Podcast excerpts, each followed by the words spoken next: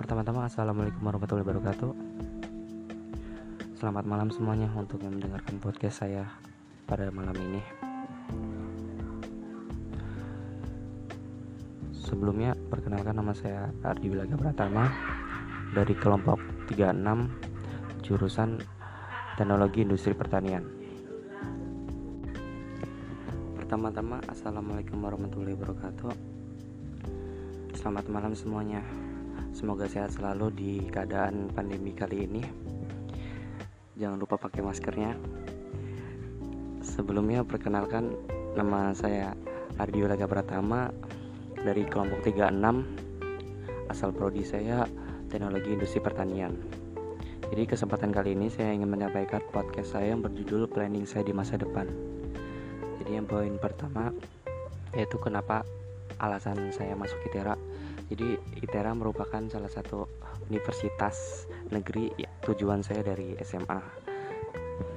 Tapi saya merupakan lulusan dari tahun 2020 dan saya sudah gap year satu tahun. Ya, alhamdulillah saya keterima di prodi teknologi industri pertanian. Dari situ saya termotivasi untuk belajar, untuk giat belajar, untuk menempuh masa depan yang lebih cerah. Karena semua itu tergantung dari sayanya dari niat saya. Walaupun di tahun lalu saya tidak terima di tahun ini saya bisa terima di prodi tersebut. Jadi planning saya di masa depan yaitu semoga saja saya bisa membanggakan kedua orang tua saya menaikkan derajatnya dan memberikan kehidupan yang lebih layak dari sebelumnya. Jadi yang memotivasi saya untuk masuk ke ITERA yaitu merupakan institut pertama di Lampung dengan alasan kalau saya keluar dari Pulau Sumatera kemungkinan belum siap mental atau siap dari pihak lainnya atau kayak ekonomi dan lain-lain. Jadi semoga dengan ini saya bisa belajar dengan giat dan bisa lulus dengan nilai yang bagus dan bisa mendaftar di perusahaan yang bergerak di bidang industri pertanian. Seperti contohnya kurang lebih yang saya tahu yaitu PT Bulos Bulog kalau kurang salah eh kalau salah mohon dikoreksi.